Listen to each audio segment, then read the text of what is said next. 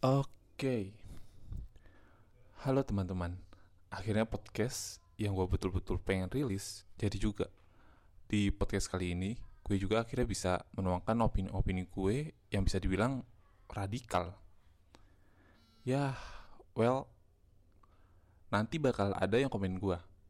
Memang artinya radikal apa bro? Ya nggak usah ditanya lah ya. Gue udah tahu dan nggak perlu dikasih tahu juga. Oke. Kali ini gue mau bahas random aja. Tapi bakal gue mix dengan face the reality. Jadinya ya random rants and face the reality. Temanya kali ini adalah masalah pendidikan. Mungkin tidak secara menyeluruh ya, tapi akan gue fokuskan ke masalah pendidik yang dididik. Eh, what's happening tuh bro? Jadi, after observing several teachers or maybe tutors and students, gue akhirnya menemukan sebuah pola yang bisa gue bilang nggak random seperti yang diberitakan di luar sana. Ada masalah-masalah yang sebenarnya perlu diubah dalam hal ini. Wait, lo belum ngasih tahu apa masalahnya nih? Kok udah bisa nyebut masalah ini aja? Oke, gue jelaskan apa itu masalahnya. Dari yang gue lihat sendiri dan sharing sama random people ya, yang memang bekerja di bidang pendidikan. Ternyata ada sebuah hal yang membuat gue jadi, oh oke, okay, ini harus diubah. Tapi apa yang bisa gue perbuat ya? Gue kan gak punya background keren kayak orang-orang di luar sana. Ya bakal kagak diakui kalau gitu ceritanya mah. Jadi, hal tersebut adalah kesalahan dalam mengajar dan yang diajar. These problems tidak begitu terlihat atau bahkan tidak disadari dari kedua belah pihak. Ya, baik pengajar maupun yang diajar. Mostly pengajar hanya akan melihat dari sisi peserta didiknya. Dan peserta didik hanya akan melihat dari pengajarnya. Padahal, seharusnya hal itu dilihat dari sisi pandang sudut ketiga. Jangan melihat sesuatu dari sudut pandang diri sendiri ini kebiasaan banget kelakuan orang Indonesia dari yang bodoh sampai yang pinter sama aja. Sorry kata-kata gue kasar tapi ini yang dinamakan face reality. Jadi ya terima aja lah gitu. Nah jadi gue bahas mengenai pengajar dulu. Oke akan gue tekankan beberapa pengajar oke tidak sedikit namun tidak semuanya. Beberapa pengajar itu cenderung salah dalam teknik mengajarnya. Walaupun dia itu berprofesi real guru. I mean like uh, dia betul-betul guru bukan sebuah kerja sampingannya dia, sebuah pekerjaan utamanya dia, profesi utamanya dia. Dan ada juga yang memang mereka itu dosen, volunteer pendidikan, dan ya memang hanya punya keinginan untuk sharing-sharing gitu. Gue tekankan lagi kalau tidak semua orang bisa menjadi pengajar yang baik. Oke, lanjut ke masalahnya. Hal yang mau gue beritahukan dalam podcast kali ini adalah para pengajar yang tidak pernah melihat kesusahan yang dididik. Cuh, gue sampai belibet ngomongnya. Oke, uh, dalam podcast kali ini adalah yang mau gue bahas itu para pengajar yang tidak pernah melihat kesusahan yang diderita oleh peserta didiknya dan mereka juga cenderung abai, padahal mereka pernah merasakan kesusahan juga ketika jadi peserta didik. Lucunya adalah mereka ketika mengajar justru balas dendam terhadap masa lalu masa lalunya. Well, bisa dibilang jadi kayak mereka itu apa yang pernah mereka rasakan ketika mereka sekolah atau ketika mereka kuliah mereka akan ulangi kesusahan itu kepada murid-muridnya mereka. Sungguh ini basi yo, gue mau bilang ini basi. Betulin aja tuh mental lo. Hentikan dulu rasa dendam terhadap masa lalu lo, dan lo baru bisa mengajar orang dengan baik. Gak akan selesai tuh chain balas dendam jika lo gak bisa menghentikan itu dan stop pada diri lo. Jadi mohon hentikan rasa ingin balas dendam terhadap masa lalu di diri lo sendiri dan jangan drag orang lain ke dalam situ. Jangan tarik orang lain. Itu sebuah hal penting dalam mengajar. jangan hanya karena dulu waktu di SD, SMP, atau SMA lo, atau mungkin di bangku perkuliahan lo, lo diperlakukan tidak enak oleh guru atau dosen lo. Udah gitu, setelah lo sukses, lo malah ikut-ikutan menyiksa orang dengan dalih, dulu saya diajarnya lebih keras dari kalian, bahkan saya harus mencari semuanya sendiri. Cuh! Ada lagi, kalian tidak akan maju jika maunya disuapin terus. Gini, so what kalau lo diajar lebih keras? Peserta didik gak butuh hal itu. And so what again kalau maunya disuapin? Gini ya, tujuan lo itu mengajar orang yang tidak bisa dan tidak ngerti sampai mereka bisa dan ngerti. Bukan malah menyudutkan mereka dan menyalahkan yang tidak bisa dan ngerti itu. Jika ada opini peserta didik yang benar, eh jangan disalah-salahkan juga gitu. Gue kesel sih sama hal ini. Dan itu semua opini mereka dipatahkan begitu saja. Gak gitu, itu salah. Ada lagi yang ngomong gini, gak gitu, harusnya gini. Salah gue bilang. Salah, itu kurang tepat. Aduh, itu ada lagi yang ngomong. Gak gitu, itu kurang tepat, gak akan saya kasih nilai. Oke, ada kata-kata gak akan saya kasih nilai. Loh, sebelum belajar aja udah dibuat mental breakdown ya gimana muridnya mau maju gitu.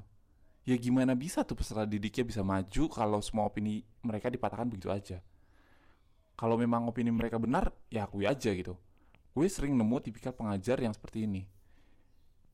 Ini nih contoh pengajar yang nggak mau kalah sifatnya terlihat seperti kekanak-kanakan. Karena nggak kamu kalah ya akhirnya gue merasa ini too stupid to behave like that gitu. Lo tuh pengajar bukan uh, peserta didik lagi yang masih bersaing dengan yang lain gitu. Justru lo tuh harus uh, mengajarkan ke mereka kayak oh yang baik dan benar tuh gini. Tapi nggak gitu caranya gitu. Bukan dengan cara mematahkan opini-opini mereka gitu. Beritahu mereka dengan baik ya gak usah dipatahin lah gitu. Next sifat pengajar yang terlalu idealism. Well idealism itu boleh jika untuk diri lo sendiri dan bukan untuk diterapkan atau dipaksakan ke peserta didik lo. To be honest gue gak suka dengan orang yang memiliki idealism yang gak bisa ditempatkan pada tempatnya peserta didiknya selalu diberikan tugas yang sebenarnya tidak tepat dan tidak seharusnya Sesi mengajar malah dijadikan ajang memaksakan opininya, bahkan sering memberikan tes yang sebenarnya tidak pernah diajarkan materi itu atau bahan tersebut tidak pernah dijelaskan sebelumnya. Nanti pas hasil akhir malah protes-protes dan menyalahkan gara-gara peserta didiknya nilainya nggak bagus. Gue mau bilang, this is why sistem pendidikan di Indonesia itu crooked banget jika terus diisi oleh orang-orang seperti ini gak akan pernah maju. Bakal stay aja stuck di situ. Stagnan. Next ada lagi kebiasaan yang sangat-sangat sangat gue benci. Yaitu pengajar yang suka menelantarkan peserta, didiknya. Atau suka korupsi nilai dan untuk katrol nilai murid yang tidak mendapatkan skor yang bagus. Ini sih sangat-sangat menyalahkan aturan yang ada. Mereka tidak berintegritas. Sungguh buruk dan ini banyak banget di luar sana yang kayak gini. Heran aja sih. Buat apa gitu melakukan hal seperti itu? Dan buat apa kalau mereka emang pengen jadi pengajar? Mereka berlaku seperti ini gitu. Mending gak usah jadi pengajar kalau masih punya mindset atau eh, pikiran-pikiran uh, yang kayak gini lah gitu. Atau masih mau berlaku hal-hal yang gak bertanggung jawab ada lagi nih pengajar yang menurut gue ini lucu sih. Sangat lucu. Pengajar yang suka menjual kejujuran tapi bahkan beberapa dari mereka saja suka berbohong which is itu kontradiktif dengan apa yang digembar-gemborkan oleh mereka. Inilah yang membuat gue punya trust issues dengan orang-orang yang suka menjual kata-kata menjunjung tinggi kejujuran. It's bullshit lah gitu. gak usah ngomong kayak gitu Gak usah ngomong menjunjung tinggi kejujuran. Coba lu beritahu ke peserta didik lu. arti kejujuran dari lo itu apa yang lo maksud dengan kejujuran itu apa kalau misalnya kejujuran buat lo oh iya uh, gue berlaku curang tapi at least gue jujur soalnya menurut gue itu bukan kejujuran ya oke okay. next adalah dosen atau pengajar yang hanya datang dan tiba-tiba ngasih tugas ujuk-ujuk kelas selesai tanpa ada materi atau yang suka protes jika tidak ada yang bertanya atau malah bertanya kayak ya udah padahal pertanyaan yang dilontarkan itu sebenarnya udah dijelaskan sebelumnya gitu. Oke, gue bahas jadi dua bagian. Kalau yang datang langsung ngasih tugas dan tanpa ada materi, itu maksudnya apa ya? Coba jelaskan maksudnya apa. Gini ya, kalian itu pengajar atau dosen, harusnya kalian datang dan memberikan materi ke peserta didik kalian. Tapi ini malah cuma datang dan langsung ngasih tugas gitu aja. Hey, gue juga bisa. Kalau gitu mah gak usah capek-capek. Tinggal datang dan bilang anak-anak kerjakan tugas ini. Jebret langsung semua anak-anak bakal misu-misu kalau begitu ceritanya. Jadi please jangan menjadi dosen atau pengajar yang seperti itu. Kedua ketika peserta didik atau mahasiswa kalian gak punya pertanyaan ya jangan dipaksa untuk bertanya tapi jika mereka memberikan pertanyaan ya dijawab dengan benar bukan malah dijawab asal-asalan yang mungkin si murid sudah mengerti kalau dijawab begitu. Jika dijawab begitu terus, ya minat murid untuk bertanya akan menghilang. Kayak, udahlah gue males bertanya kayak gini. Gitu. Kalau akhirnya cuma dijawab, oh gitu aja. Lah, gue juga ngerti kalau gitu aja gitu. Justru dia bertanya karena dia pengen tahu. Sebenarnya itu gimana? Bukan, oh ya udah gitu aja. Ya. Lucu sih sama pengajar-pengajar atau dosen yang begitu. Kalau nggak niat ngajar udah deh, pulang ke rumah aja. Oke? Okay?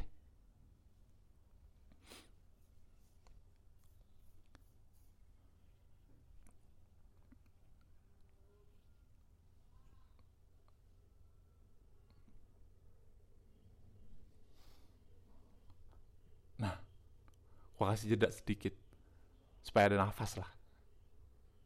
Dari tadi gue udah ngeracau banget sih. Oke, kita lanjut deh. Hah.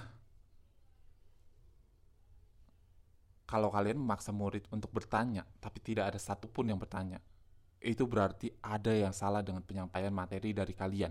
Atau mungkin ada yang sudah mengerti dengan semuanya. Jika murid yang sudah mengerti, dia cenderung akan diam saja daripada bacot. Kalau murid yang tidak mengerti, juga cenderung diam karena dia tidak tahu harus bertanya dari mana dan bertanya mengenai hal apa. Jadi please sadar dengan surrounding kalian. Jika memang kalian pengajar yang baik. Last but not least, pengajar yang suka framing peserta didiknya dan pengajar yang ignoran. Kasus ini sering terjadi pada peserta didik yang memang suka outshine peserta didik lain kayak wow dia itu memang super sih. Not smart tapi emang real talentnya dia udah begitu gitu. Emang udah pemberian dari Tuhan gitu kan. Gue juga nggak ngerti apa yang sebenarnya diinginkan oleh si pengajar tersebut. Ya. oke oke gimana tuh kasusnya bro? Jadi biasa kasusnya seperti ini. Ada anak yang misal menulis sebuah isi orang menyerahkan tugas yang memang terlihat sulit namun si murid tersebut mengerjakannya benar dan sesuai struktur. Sedangkan murid, murid lain tuh nggak nggak sesuai struktur. Bahkan betul-betul nggak jelas dan ya bisa dikatakan absurd dan dia cuma kayak uh, ngerjain asal-asalan aja gitu. Gue sering sih ngerjain asal-asalan gitu. Karena ya udah males aja gitu. Akhirnya si murid tersebut di framing oleh pengajarnya kalau murid itu mencontek atau menjiplak dari internet. Sedangkan murid tersebut saja di dalam kelas itu tidak memiliki akses internet sama sekali. Loh, gimana dia bisa di framing mencontek sedangkan gak ada buku catatan yang seperfect itu. Gak ada, uh, ya pokoknya struktur yang uh, diberikan yang dicatat di buku aja sama dia nggak dibawa gitu. Gimana dia bisa mencontek? Oh ada di buku tulisnya. Belum tentu. Kan kalau mengerjakan isi or something atau mengerjakan tugas mungkin matematika dikerjakan di selembar kertas HVS atau diketik menggunakan laptop ya. Tapi laptop tersebut aja bahkan tidak ada internetnya. Jadi gimana bisa dia mencontek lewat internet gitu? Itu nggak mungkin banget sih. Nggak mungkin nggak nggak mungkin gue lagi. Gue mau bilang itu adalah contoh pengajar yang buruk ya. Tidak mau muridnya lebih perfect dari dia. To set to see this kind of things karena this is reality gitu. Ya udah terima aja sih. Kalau emang dia itu benar gitu. Jangan malah oh sorry gue nggak bisa uh, nilai dia karena dia nyontek. Coba lu cari tahu dulu coba lu tanya dulu ke muridnya apakah benar dia menyontek atau tidak jangan langsung asal judge oh iya dia mencontek karena uh, lo ngelihat strukturnya mirip dengan apa yang ada di internet change itu bisa aja terjadi gitu.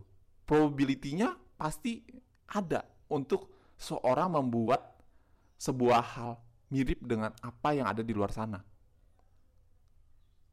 Kayak contohnya gue punya ide untuk melakukan sesuatu. Tapi gue hanya punya ide aja nih. Dalam beberapa bulan kemudian, gue udah melihat ide gue dikeluarkan oleh orang lain. Bayangkan, probability itu ada. Jadi jangan asal framing kayak, oh iya dia mencontek kayak gitu please please jadi pengajar yang dewasa jadi pengajar emang cari kebenarannya yang ada gitu bukan langsung asal jebret enggak dia mencontek dia uh, ngejiplak dia kopas dari internet enggak cari dulu kebenarannya gitu oke okay? kedua jangan memaksa nilai dari murid ketika banyak sekali murid yang nilainya jelek dan murid-murid tersebut tidak ada yang mengerti materi tersebut, berarti memang materi itu belum dipelajari dan diajarkan. Bukan lantas marah-marah muridnya dan ngatain segala macam. Please, jadilah pengajar yang dewasa. Gue ingetin sekali lagi, please, jadi dewasa. Jangan membawa amarah ketika mengajar. Percaya deh sama gue, ketika lo membawa amarah ke dalam kelas kalian, justru murid kalian tidak akan ada yang respect. Dan apa yang kalian ajarkan tidak akan masuk ke otak murid kalian. Jadi tolong sadar ya, tolong, tolong. Gue pernah ngedenger bahkan seperti ini. Eh, uh, sebenarnya kita ngajar tuh cuma untuk melampiaskan emosi aja gitu. Kalau uh, ada yang salah-salah gitu, kita jadi bisa marah gitu. Lo gila ya? lu kalau gak bisa ngontrol emosi lu dengan baik dan uh, pengen melampiaskan emosi tolong jangan dilampiaskan ke orang lain yang emang bisa katakan gak ada hubungannya dengan emosi lo itu dengan rasa amarah lo lo kan bisa aja datang ke uh, sport center lu tinjuin deh tuh samsak tinju lumayan kan meredakan emosi lu atau lu misu-misu aja di rooftop paling tinggi teriak-teriak ngeracau gitu. banting-banting diri gitu. atau jika emang itu amarah di pekerjaan lo ya selesaikan gitu bukan dibawa ke orang lain. Please jangan bego. Wah, kasih tahu. Oke. Ini semuanya menyudutkan ya? Iya memang ini semuanya menyudutkan. Dan memang gue sengaja. Puas. Gue sih puas. Lanjut.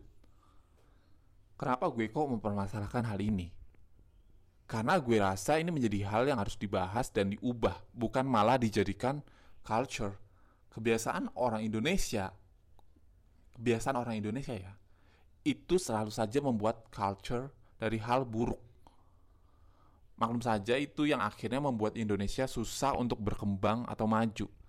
Cara berpikir yang salah itu harus dihentikan, harus diganti menjadi sebuah hal yang baik.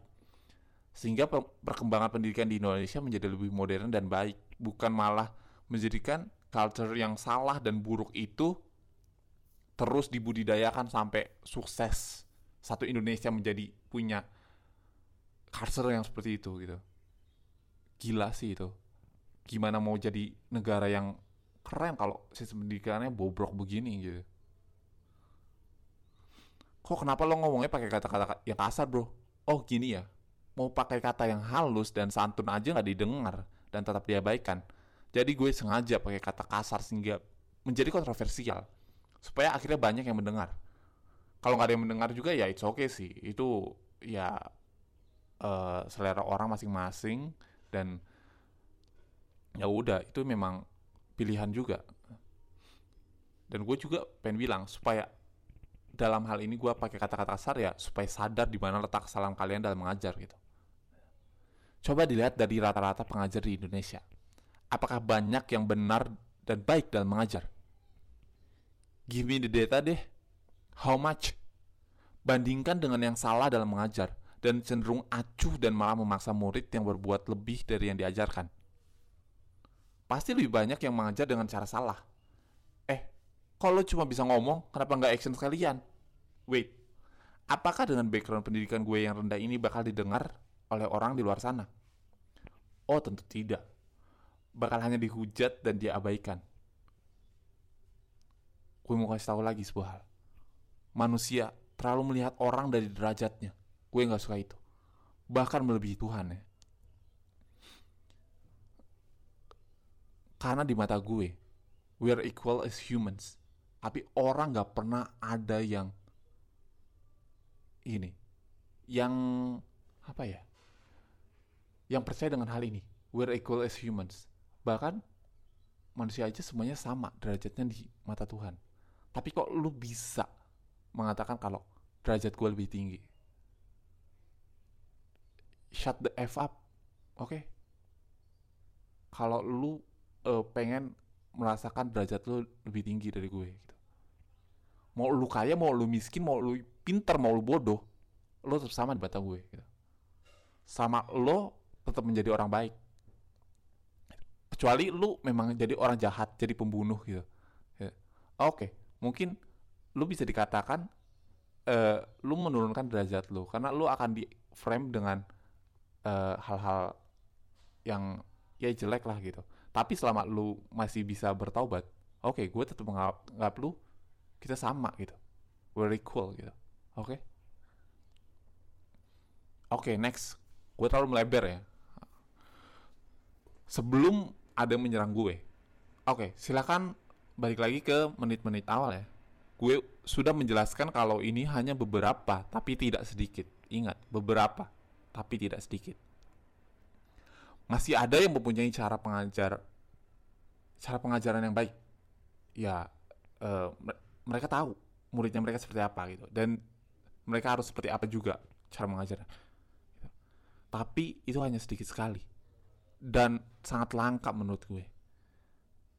Cara ngajarnya santai selalu mencari jalan keluar bersama jika peserta didiknya memiliki kesulitan. Itu sangat-sangat langka gitu. Bukan malah mempermainkan mempermainkan dan terus diputar-putar gitu. Uh, this is the true pengajar yang mengerti cara mengajar. The real pengajar menurut gue dan gue ternyata menemukan pattern mengajar yang menurut gue bagus dan baik ini adalah hasil observasi dari sekian lama gue mengajar dan melihat cara secara dalam bagaimana peserta didik gue memahami pelajaran dan baik pun dengan ketika gue diajarkan oleh seorang. Gitu. Jangan pernah memaksa. Selalu lihat cara belajar mereka. Ikuti alur mereka. Lihat cara penyampaian materi yang paling efektif. Gitu. Bukan memaksakan opini, oke? Okay? Tapi penyampaian materi yang paling efektif. Jika ada murid yang paling pintar, jadi jelek nilainya, sudah bisa dipastikan, sangat-sangat dipastikan kalau kalian gagal dalam mengajar. Bayangin, murid paling pintar aja tiba-tiba jadi jadi bodoh gitu. Jadi nggak punya nilai. Berarti ada kesalahan dalam cara pengajaran kalian. Introspeksi lah. Oke? Okay? Udah gitu, ikuti alur murid yang paling pintar terlebih dahulu dan baru lihat murid yang average atau rata-rata. Gitu. Ketika kalian melihat uh, pace-nya murid si pi yang pintar itu, kalian akan tahu gimana caranya menghandle murid yang nilainya rata-rata atau di bawah. Gitu. Dan gue yakin itu akan berhasil. Karena gue berhasil dengan konsep itu. Gue bahkan pernah mengajar orang-orang yang sudah tua dan gak ngerti teknologi. Itu lebih susah mengajarnya dibandingkan dengan anak muda yang tidak pintar. Anak muda yang tidak pintar ketika lu mengajarnya dengan baik mereka akan bisa dengan mudah up gitu. Tapi kalau orang yang udah tua dan gak ngerti teknologi itu sumpah susah banget gitu gue struggle dengan itu tapi akhirnya gue menemukan oh oke okay, gue salah dalam mengajar. Harusnya caranya begini gitu. mereka si orang-orang tua aja itu dalam bahkan dalam waktu sebentar aja udah lupa dengan apa yang gue ajarkan. Harus berulang dan terus-terusan dijelaskannya. Jadilah gue menemukan metode yang baik dalam mengajar. Karena gue juga belajar dari saudara gue yang memang asli pengajar serta ortu gue juga yang memang pengajar juga